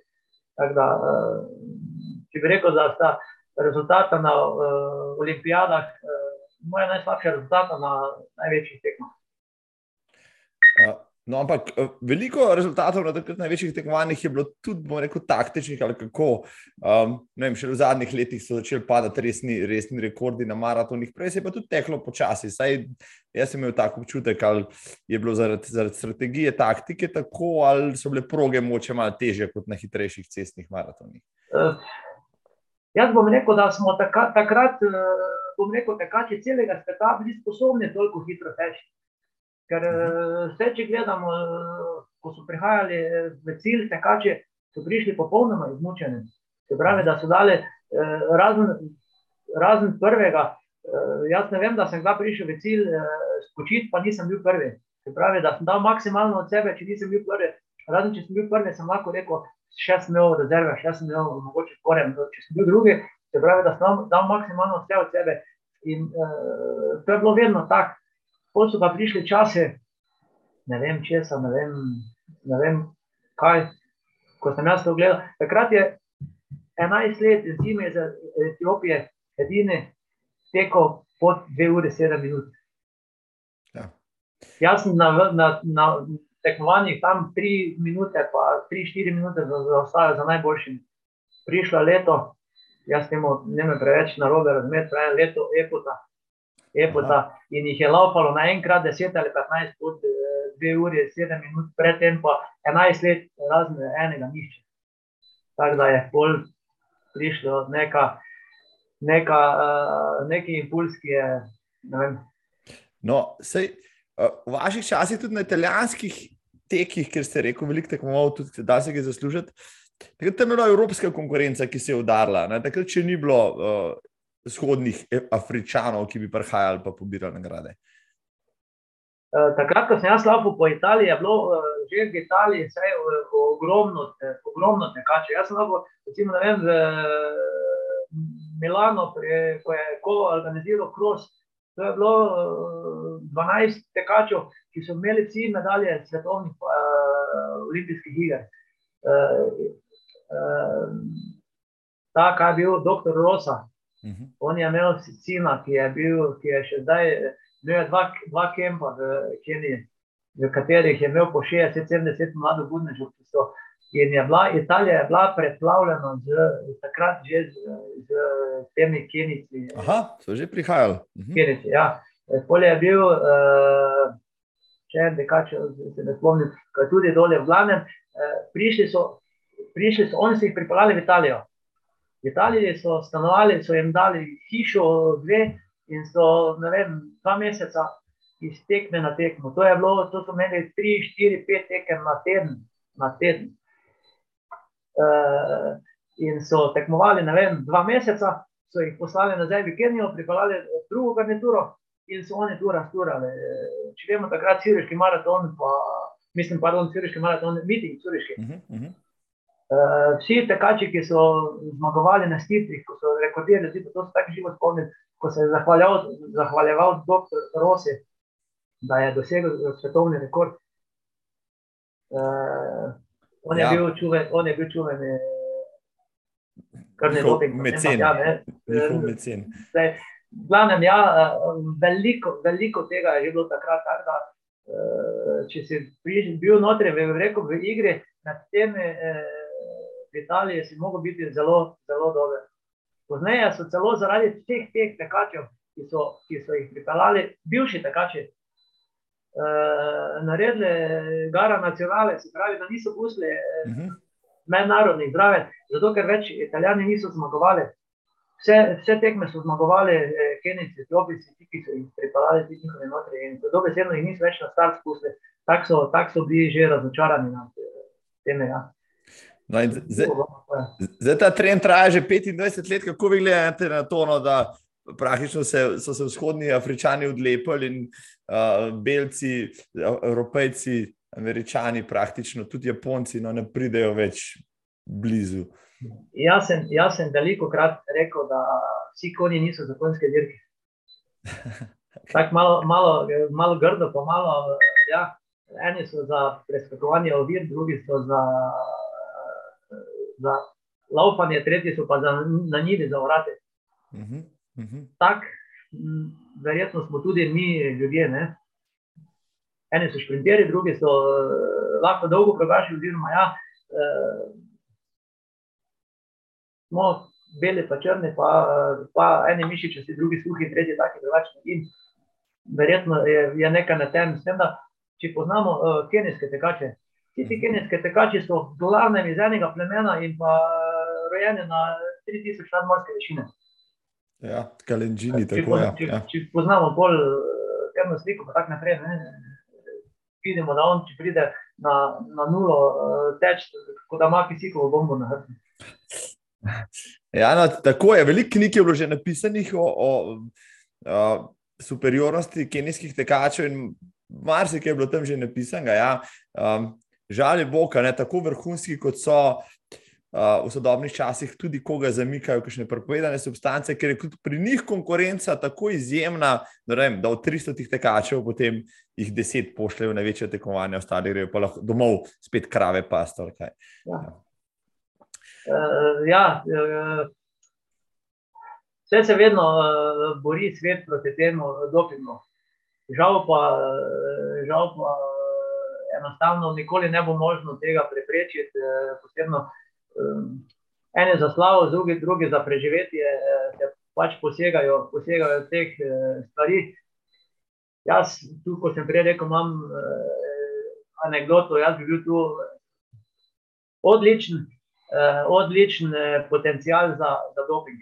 Jaz sem imel, jaz sem imel, imam prirojeno zelo slabo krvno sliko. Jaz nisem imel hemoglobina nikoli več kot 130, če vemo, da je spodnja meja 120, pa 100 na 180, da, da je to prenos kisika po, krvo, po krvi, pa sem pa tja, da če se bi jaz napapal enih teh elektroplatin ali nekaj takega, bi vprašanje, kakšni rezultati bi bili. Imam tudi eno anegdoto od enega doktora našega pujskega, ki je bil dializni, dializni uh -huh. zdravnik. Je rekel, Mirko, imam eno substanco za tebe, ki bi bila vrhunska takrat, Če se spomnite, ko so Pantanija dobili prvega na elektropoetino, takrat, če ta elektropoetin ni bil na listi prepovedanih substanc, je rekel, prvo ti ne smem dati po zdravniški etiki, pa to, če spregledam, drugo ne vem, če na listi prepovedanih substanc, ali ni, je rekel, če to spregledam, je rekel, tretji kot tretji. Tvoj organizem proizvaja toliko uh, nekih eh, snovi, ki jih ima občutek, da jih mora proizvajati. Je rekel, če mi jo pozdravljamo po strani, je rekel, mogoče v Šidovo čez deset let krvnega raka, sem rekel, Janec, uh, jaz rečem, vsak večer na pivo spijem, pa grem eh, miren spat, pa rezultati, eh, kakšni so. so. In sem danes vesel in ponosen na moje rezultate, ki sem jih dosegel. Bravo, bravo. To je bilo pa... ena anekdota iz Rima, svetovno prvenstvo v Rimu. Pride zdravnik iz Beograda, reprezentančne vesobe, moramo napisati na list, kaj, smo, kaj imamo od vitaminov. Jaz napišem C vitamin, B kompleks, pa minerlit on pravi, e, moj vindišo, moj vindišo. Pa se kopa, zdaj na robe. Pa pravi, ovo so vitamini za trudne ženske. ja, jaz vedno pravim, da sem tekel na, na kruh pa vodo. No, ampak, ja, te pa še v prehrani, kakšno. No. Najbrž niste nič komplicirali, niste imeli prehranskih načrtov, tudi spili ste, kot se reče, kakšno pivo, kdaj pa kdaj. Jaz, ko sem prišel na pa se ni, eh, je to antipropaganda ali kaj. Jaz, ko sem prišel do bilo koga na, na obisk, nekaj takega, boš kaj popil, pa sem pa tja, pa bom, kaj boš, gledaj, kaj boš ti to omjati. E, tako da nikoli nisem pazil pri prehrani, nikoli nisem pazil pri, pri pijači, vedno sem imel meje. Jaz sem lahko spijal pivo, nisem pospil tri ali pa pet. E, to, to sem imel. Hrana, ne glede kaj, razen pred tekmo, sem malo malo delo na tem, da sem probil malo več ugljikovih hidratov. To je vse, kar sem, kar sem polagal pozornost na, na prehrani. Drugače pa od težava do mi, da ni, kaj je prišlo pod roke. Jaz sem stalno rekel, jaz sem srečen, da sem sit, ne znam spiro, kaj bom imel. No, sej, ta preprostost, pa enostavnost mi zelo všeč. No, sicer vem, da danes rekel, vsaka malenkost, tudi prehranski režimi štejejo, da si potem pol minute boljši, saj pretekači pa tako poslušam, pa da daš karbonske copate gor, da si še kakšno minuto boljši. Ampak, ja, a je to res uh, uh, potrebno, mogoče za vsakega, pa ne vem. No. Kako vi gledate na vso to tehnološko uh, rekel, naprednost v teku, pa, pa tehnološke inovacije, pa vsa, vsa ta polaganja v športno prehrano? Pa dopolnilne treninge in tako naprej. Uh, vemo, da je industrija od zadaj, da je zaslužek od zadaj, da so reklame od zadaj. Uh, da so, uh, bom rekel, ta ubovala, ki so danes uh, veliko boljša, kot včasih bila, so uh, dobro došla zaradi poškodb, zaradi, bom rekel, kratkotrajnih in pa dolgotrajnih poškodb. Uh, tako da tu, tu, sem, eh, tu sem na pozitivnem, oziroma sem zadovoljen, da gre čas naprej. mogoče pri določenih stvarih malo preveč, ali pa včasih kaj tudi reklamirajo, ki ni tako dobro od nekih zračnih blazin, pa sem pa tja, ki se pozneje pokaže, da deformira nogo, ki jo obrača napačno smer. Tako da ja, je na tem področju, tudi na prehrani, bom rekel, delo, deloma ja, ne pa, ne pa preveč. Ko to ponujajo neke, ne vem, takšne in drugačne napitke. Tem, ja, ja, malo je pretirano zadeva, um, ker tako sem prej rekel, organizem proizvaja, organizem zame, organizem, uh, če ga ti prisiliš, on še več dela za, za tebe. Zdaj, če bo ti fejst umetno uh, rivleš nekih nenormalnih uh, ponaredih prehranskih izdelkov, pa mislim, da ni preveč, uh, preveč dobro za telo. Jaz mislim, da je še vedno boljša ena ali dve jabolki, steži z drevesom trgani, kot pa neki stisnjeni izdelek v eni tabletki notri, ki reče, to pa je cela kišta jabolk v tej tabletki notri. Ja. Ne vem, če je ravno to smiselno. Bravo, se strinjam, pa še kako res je. Za rekreativce je pa to še kako resno. Ki, to pa posebej. Ja, rekreativci posegajo po, po, bom rekel, včasih celo bolj, kot pa, ko pa neki vrhunski, vrhunski športniki, po nekih nenormalnih, ki so bolani za nekimi rezultati. Če si ti rekreative, veš, kaj je smisel rekreacije, ne pa kot reke, mase za rekreativca, po drugi strani pa bolan za rezultate, to ne gre skupaj. Ja, o tem bi najbrž lahko razpravljala uro ali pa dve, ampak eh, bom samo to le vprašal. Po tej temi so zdaj povabili, glede na to, da z otroki veliko delate, tudi v kakšen klub, da bi treniral starejše, eh, odrasle, mogoče atlete, rekreativce ali kaj podobnega. Ja, jaz tudi sem treniral na tuji, tam smo, smo imeli čisto tako rekreacijo. Kdo je prišel, je prišel. In je bilo kar zanimivo. Kljub so me vabili, vabili pred leti. Pa sem rekel, gledajte, jaz sem še takrat imel gostilno svojo, pa probleme recimo, z delovcem, da sem ja, rekel, gledajte, mislim, Slovenija, športna zveza Slovenija zaposluje profesionalne trenere, takrat eh, lahko grem profesionalno ali pa ne grem, ker jaz si ne morem privoščiti, da bom skupino otrok pusto eh, ali pa gostilno dol zaprl, da bom šel na trening, recimo, če sem imel nekoga na bolniškem, nekaj takega. Če imaš ti pa delavca, pa ti en manjka, si avtomatsko moraš ti skočiti. In uh, tako, da sem, sem uh, nekaj malega treniral, nekaj velikega pa ne. Bi nisem, nisem naredil pravega zalogaja, kar me je po svojem nikalo. Na koncu sem pa prišel v službo, v šolo in sem tudi tu zadovoljen, da lahko prenašam vse delno svoje izkušnje na mlajše rodove. Boste potem, ko boste šli v pokoj, v prosveti, mogoče se preusmerili na treniranje atletov? Uh, čim ti treniraš, čim ti treniraš, meni je najbolj všeč rekreacija. Uh mhm. -huh. Glej, po občutku, koliko kdo lahko. Ko ti eh, začneš eh, strmeti z vrhunskimi rezultati, z, ja, je to je drugi prijem, je drugo spodbujanje, je druga rekreacija pa je testo na sproščeni, na sproščeni bazi.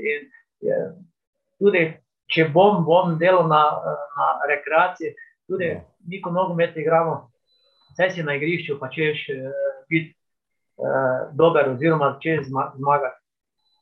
Je pa, je pa fajn, ko, ko uh, ne greš na polno, ne greš na nož, uh, ko tekmo končaš. Si jo zgubil ali si jo zmagal, če s tem ni pozabiš. Tako da je to en tisti, ja, bolj za dušo, kot pa za neko, neke bolane rezultate. Super. Super. No, vi ste v tem, ja, vem, pri 30 ste še šel še na svetovnem prvenstvu, takrat, če se ne motim, v Študgard, potem pa počasi niste, niste bil več, uh, uh, rekel, tako vrhunski formi. Prej ste dosegli izjemne rezultate, deset let konstantno, vem, maraton, kadarkoli, dve uri 14, če je bilo treba. Um, polovičko, naj ura 3, ura 4, to so bili vaši rezultati, vam rekel, pri 23, pa pri 29. Uh, kaj se je potem zgodilo? No, bil ste še le 30 let star, uh, ste ugotovili, da ne morete več parirati, ali vas je motivacija mogoče zapustila? Uh, ne, meni se je zgodila družinska tragedija.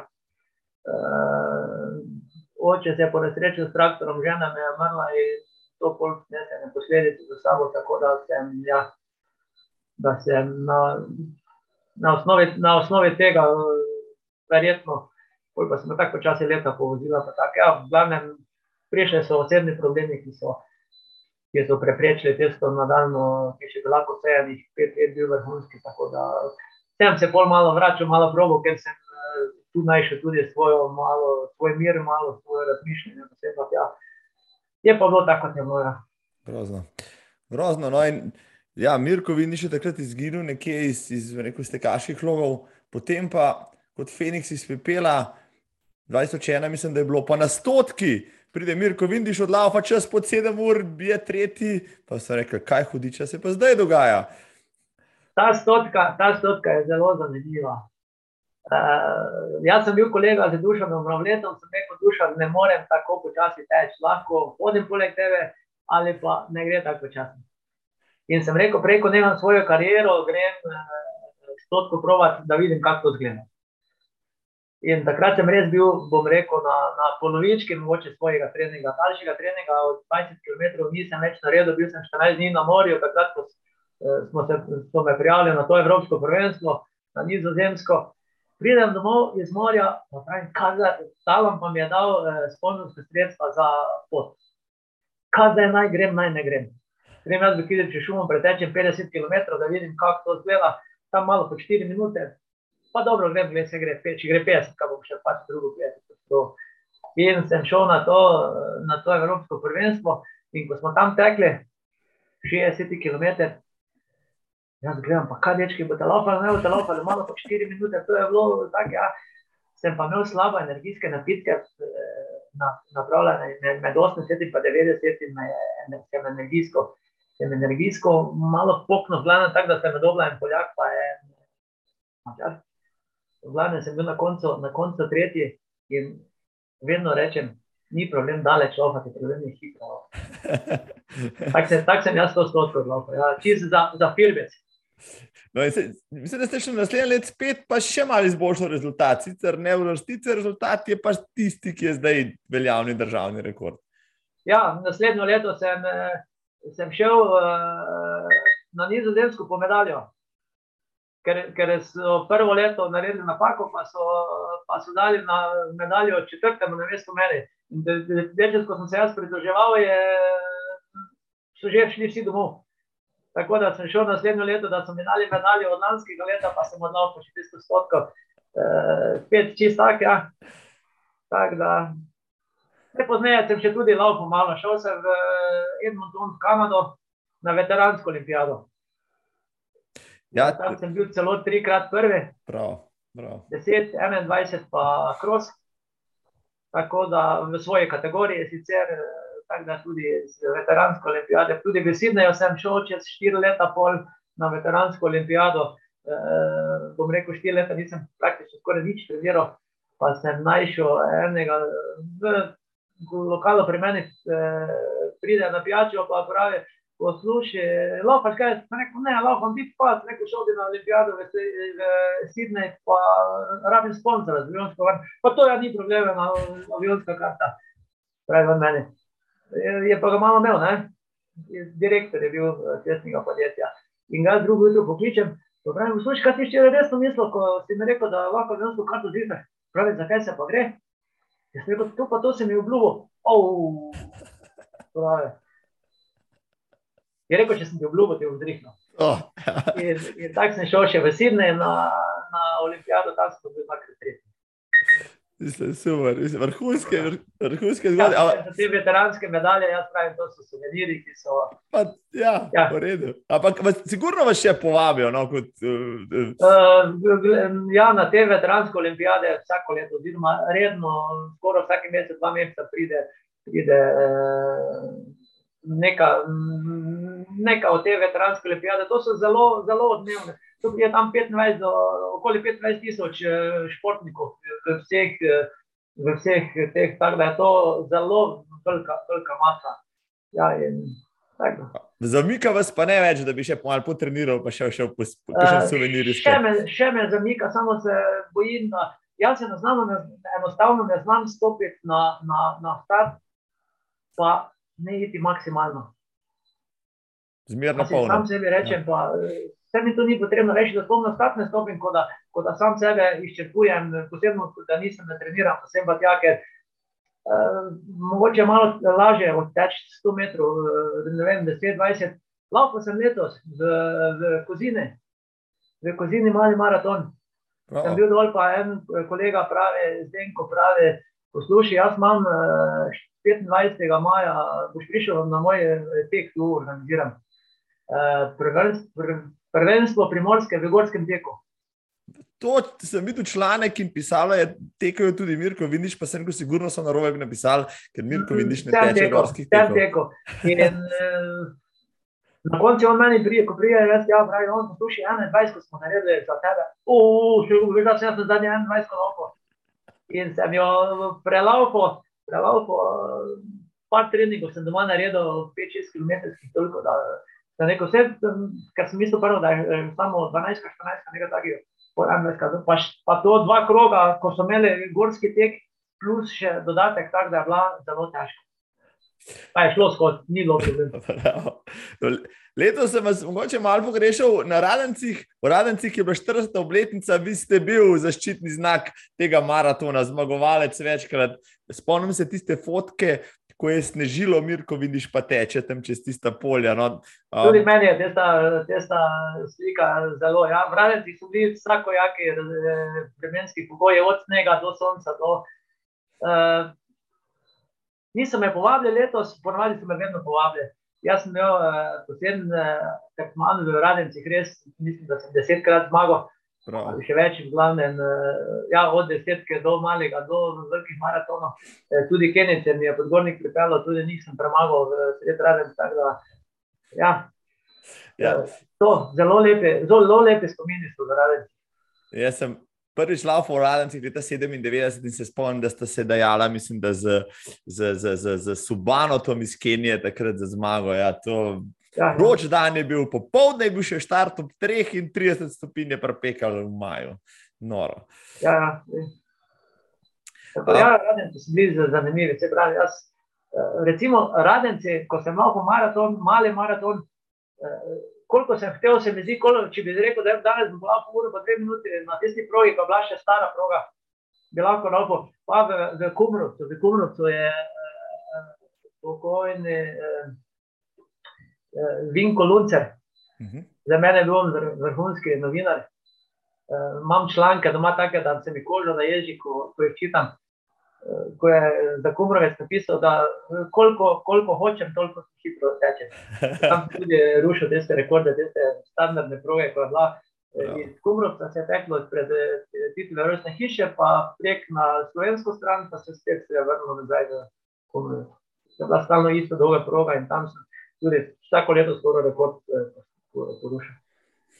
Ja, mislim, da sem bral v tem kumrovcu v knjigi od Diva Belana, ja, ki je napisal tista stara tekaška slovenska Biblija. Ja, pa mislim, da, da je Mirko Vindiš tudi not omenjen, kaj pa, ker je takrat zmagoval. Um, kako ste spremljali potem vaše naslednike v 90-ih pa naprej, pa Romana Kejžera, ki je uspel tiste rekorde slovenske znižati?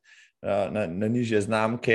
Ste bili takrat še kaj v pet, uh, sta bila, sta se poznala, sta bila kaj v kontaktu? Z Romanom smo tekla veliko skupaj, uh, tudi takrat, ko je bil tam, ki je bil, tudi spet.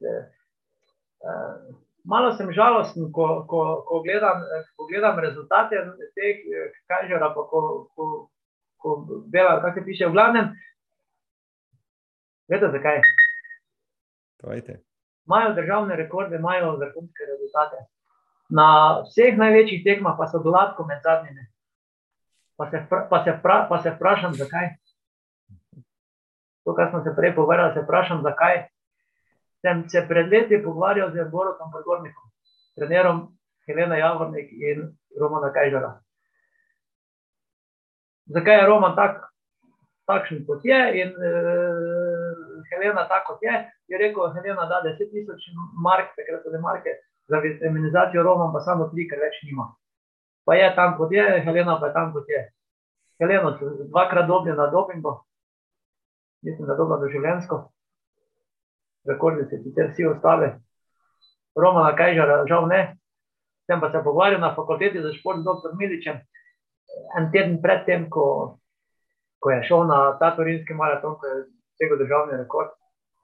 Se pogovarjamo na fakulteti, čist v hodniku. Veš, kak je, kaj je že dober. Pa jaz pravim, pa kak? Ja, veš, se poročil, pa imaš eh, družinsko življenje, pa sem pa ja, ne bo poslušati.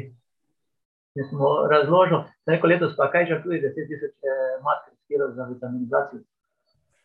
Se je obrnil, pa šel po hodniku, pa več besed ni rekel. Tako da, uh, on je bil, on je bil vpleten zraven. Ne? Kot je ne dobil, si nedolžen. ja, pa zaključujem to debato pri tem. Ne. Spremljate še slovensko atletiko, pa se to, če so že pri tem, zdaj končno uh, prihajajo tudi fanti, ki napovedujejo, da bodo stare rekorde, svetove, rozmanov in še kakšnega, mogoče celo grozil, pa podarili. Kako, kako, kako vi ocenjujete te potencijale? Doben rekord ni zabetoniran. Se pravi, se pravi eh, tudi mi nismo bili nadzemljani, se pravi, da nam lahko vse rekorde normalno eh, poderejo, posebno z današnjo, današnjim pristopom, z današnjo opremo in tako naprej. Tako da to je vse mogoče. Eh, upam, da se bodo res našli, ker jaz si želim, da se bi našli. Ni normalno, da so rekorde stari 30-40 let, mislim, ni normalno. Ja, ni normalno, ker si vendar le želiš nekaj napredka, nekaj, nekih, ko boš navil za njih, ko boš rekel, gledaj, pa res je dober. Samo ne, ne tako, kot sem prej rekel, uh, rušili bojo rekorde, ko bo, bo prišli na velike tekme, pa jih ne bo nikjer.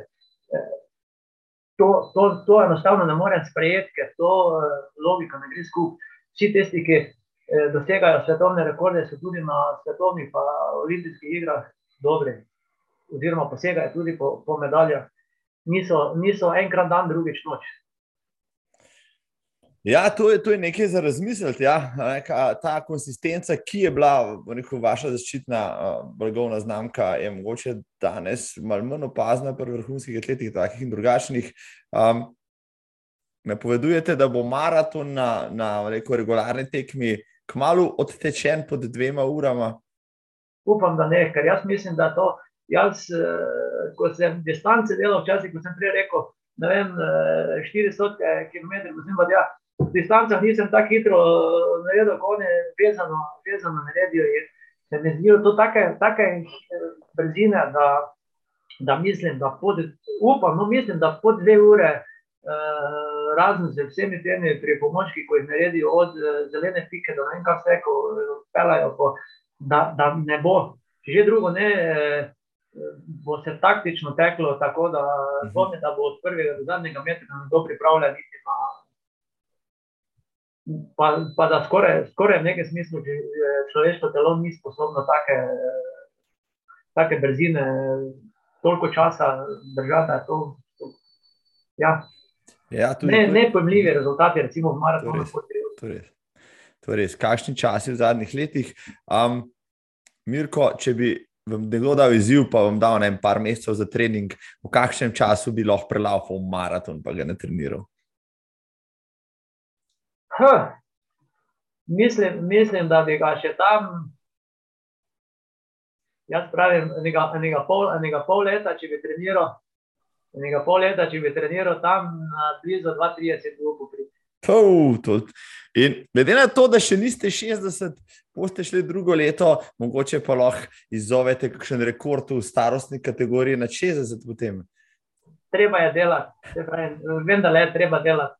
Uh, pa ne vem, če, imam, če sem pripravljen na take eh, izzive, da bi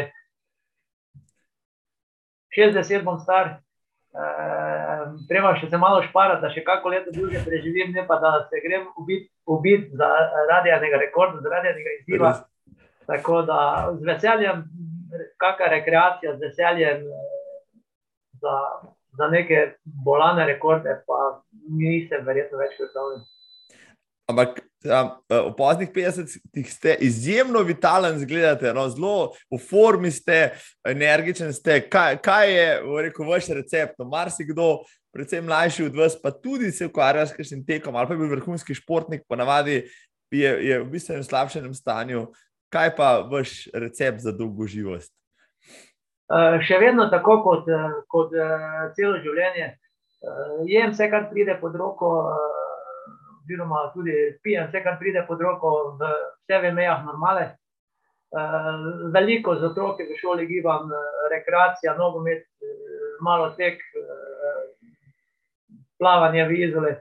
Imam eno garsoniero v izole, tako da sem pogosti gost, dol, veliko plavam. Gibanje, gibanje.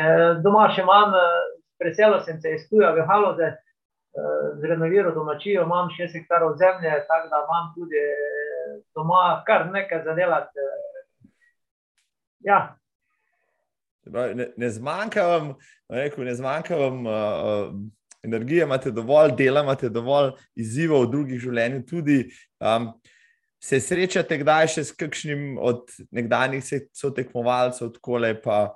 Pa, ali pa sreča na cesti, ali pa s kakšen tekač, ko teče, če ste v Izoli, bi mogoče lahko srečo v Luko videti, če je najboljši slovenski ultramaraton, trenutno pa, pa tudi tam živi. Srečate koga, pa reče: O, Mirko, vidiš, pozdravljeni, živijo in tako naprej vse srečamo, vse, vse, vse srečamo, uh, tudi v Izoli, srečamo kakšnega te, tekača. Tako da, ja, smo, smo na, na, na kako bi rekel, vse srečamo, vse poznamo, vse pozdravimo. Včasih moraš malo, malo pobrskati. pobrskati. Ker veliko krat mi je kdo rekel, ja, jaz tudi tečem, pa jaz sem tudi lahko v Radezih na maratonu, se ne spomniš pa se ga ne more spomniti, pa mu ti razloži, veš, eh, ne me preveč zameriti. Prvega ponovadi vsi vejo, kdo je, pa ga poznajo. Če si bil 350, kako na jaz vem, kdo je 350. Tako da mi ne zamerite. No, mislim, da jim je to všeč, da srečajo nekdanjega večkratnega zmagovalca, recimo Radencev.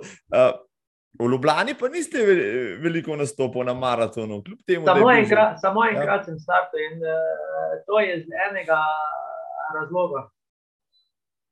Uh, pripeljali so Kenice, jim, plač, jim plačali uh, hotele, avionske karte, startine, vse ostalo, uh, mi kot, do, kot domačini, nam so pa naredili državno prvenstvo. Nam so pa naredili državno prvenstvo, da bodo vsi uh, prišli na državno prvenstvo. Pa sem si vedno rekel, kot sem vam prej rekel, v Radnici sem jaz imel svoje tekmovanje, oni so mi vsako leto uh, pripravili.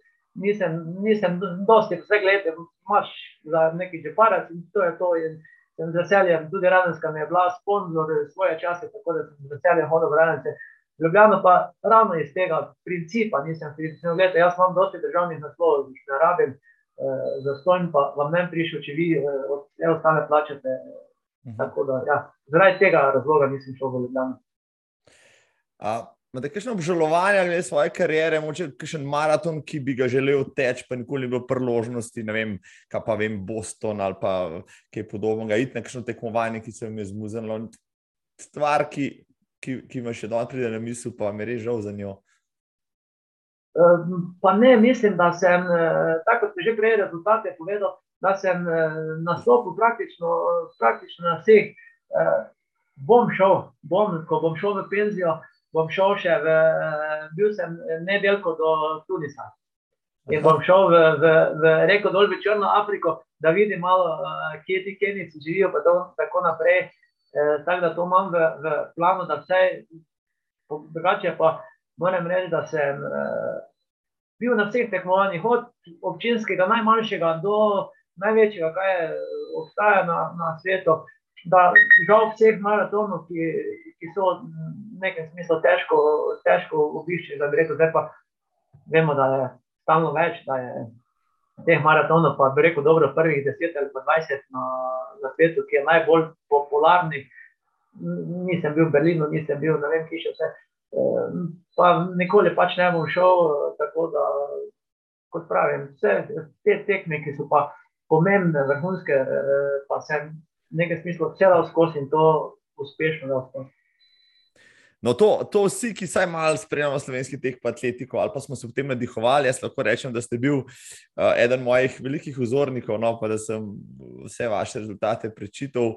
Nisem videl tistega filma, ki so ga posneli po, o, o vas, no, to sem tudi zabeležil, da, da, da je film Tekač bil enkrat posnet z Mirkom Vidišem v glavni vlogi, kratki dokumentarni film, mislim, da nekaj takega.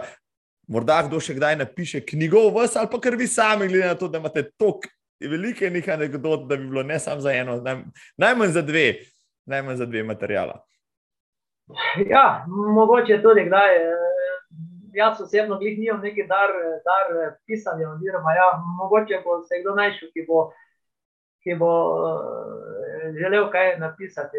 Sicer je pet so to zadeve, ki so povezane finančno in nekdo, ki, ki bi mogoče videl, kakšne ali za sebe želijo, da kaj napiše. Ja, morda, morda. Gospod Mirko, vidiš, tole je bil uh, izjemen pogovor. Jaz sem res neizmerno užival. Sem imel čast in veselje govoriti z uh, rekel, zadnjim jugoslovanskim rekorderjem, večjim jugoslovanskim rekorderjem v maratonu, enem največjih tekačev v Sloveniji vseh časov. Uh, jaz sem želim, rekel, še uspešno kariero na vseh področjih, no pa to energičnost, pa da se uh, slej ko prej, morda tudi na kakšni tekaški preditvi ali pa tako srečava, pa še kakšno živo rečeva. Hvala lepa, tudi mene je veselilo, da te spet spomnim nekdo na mene.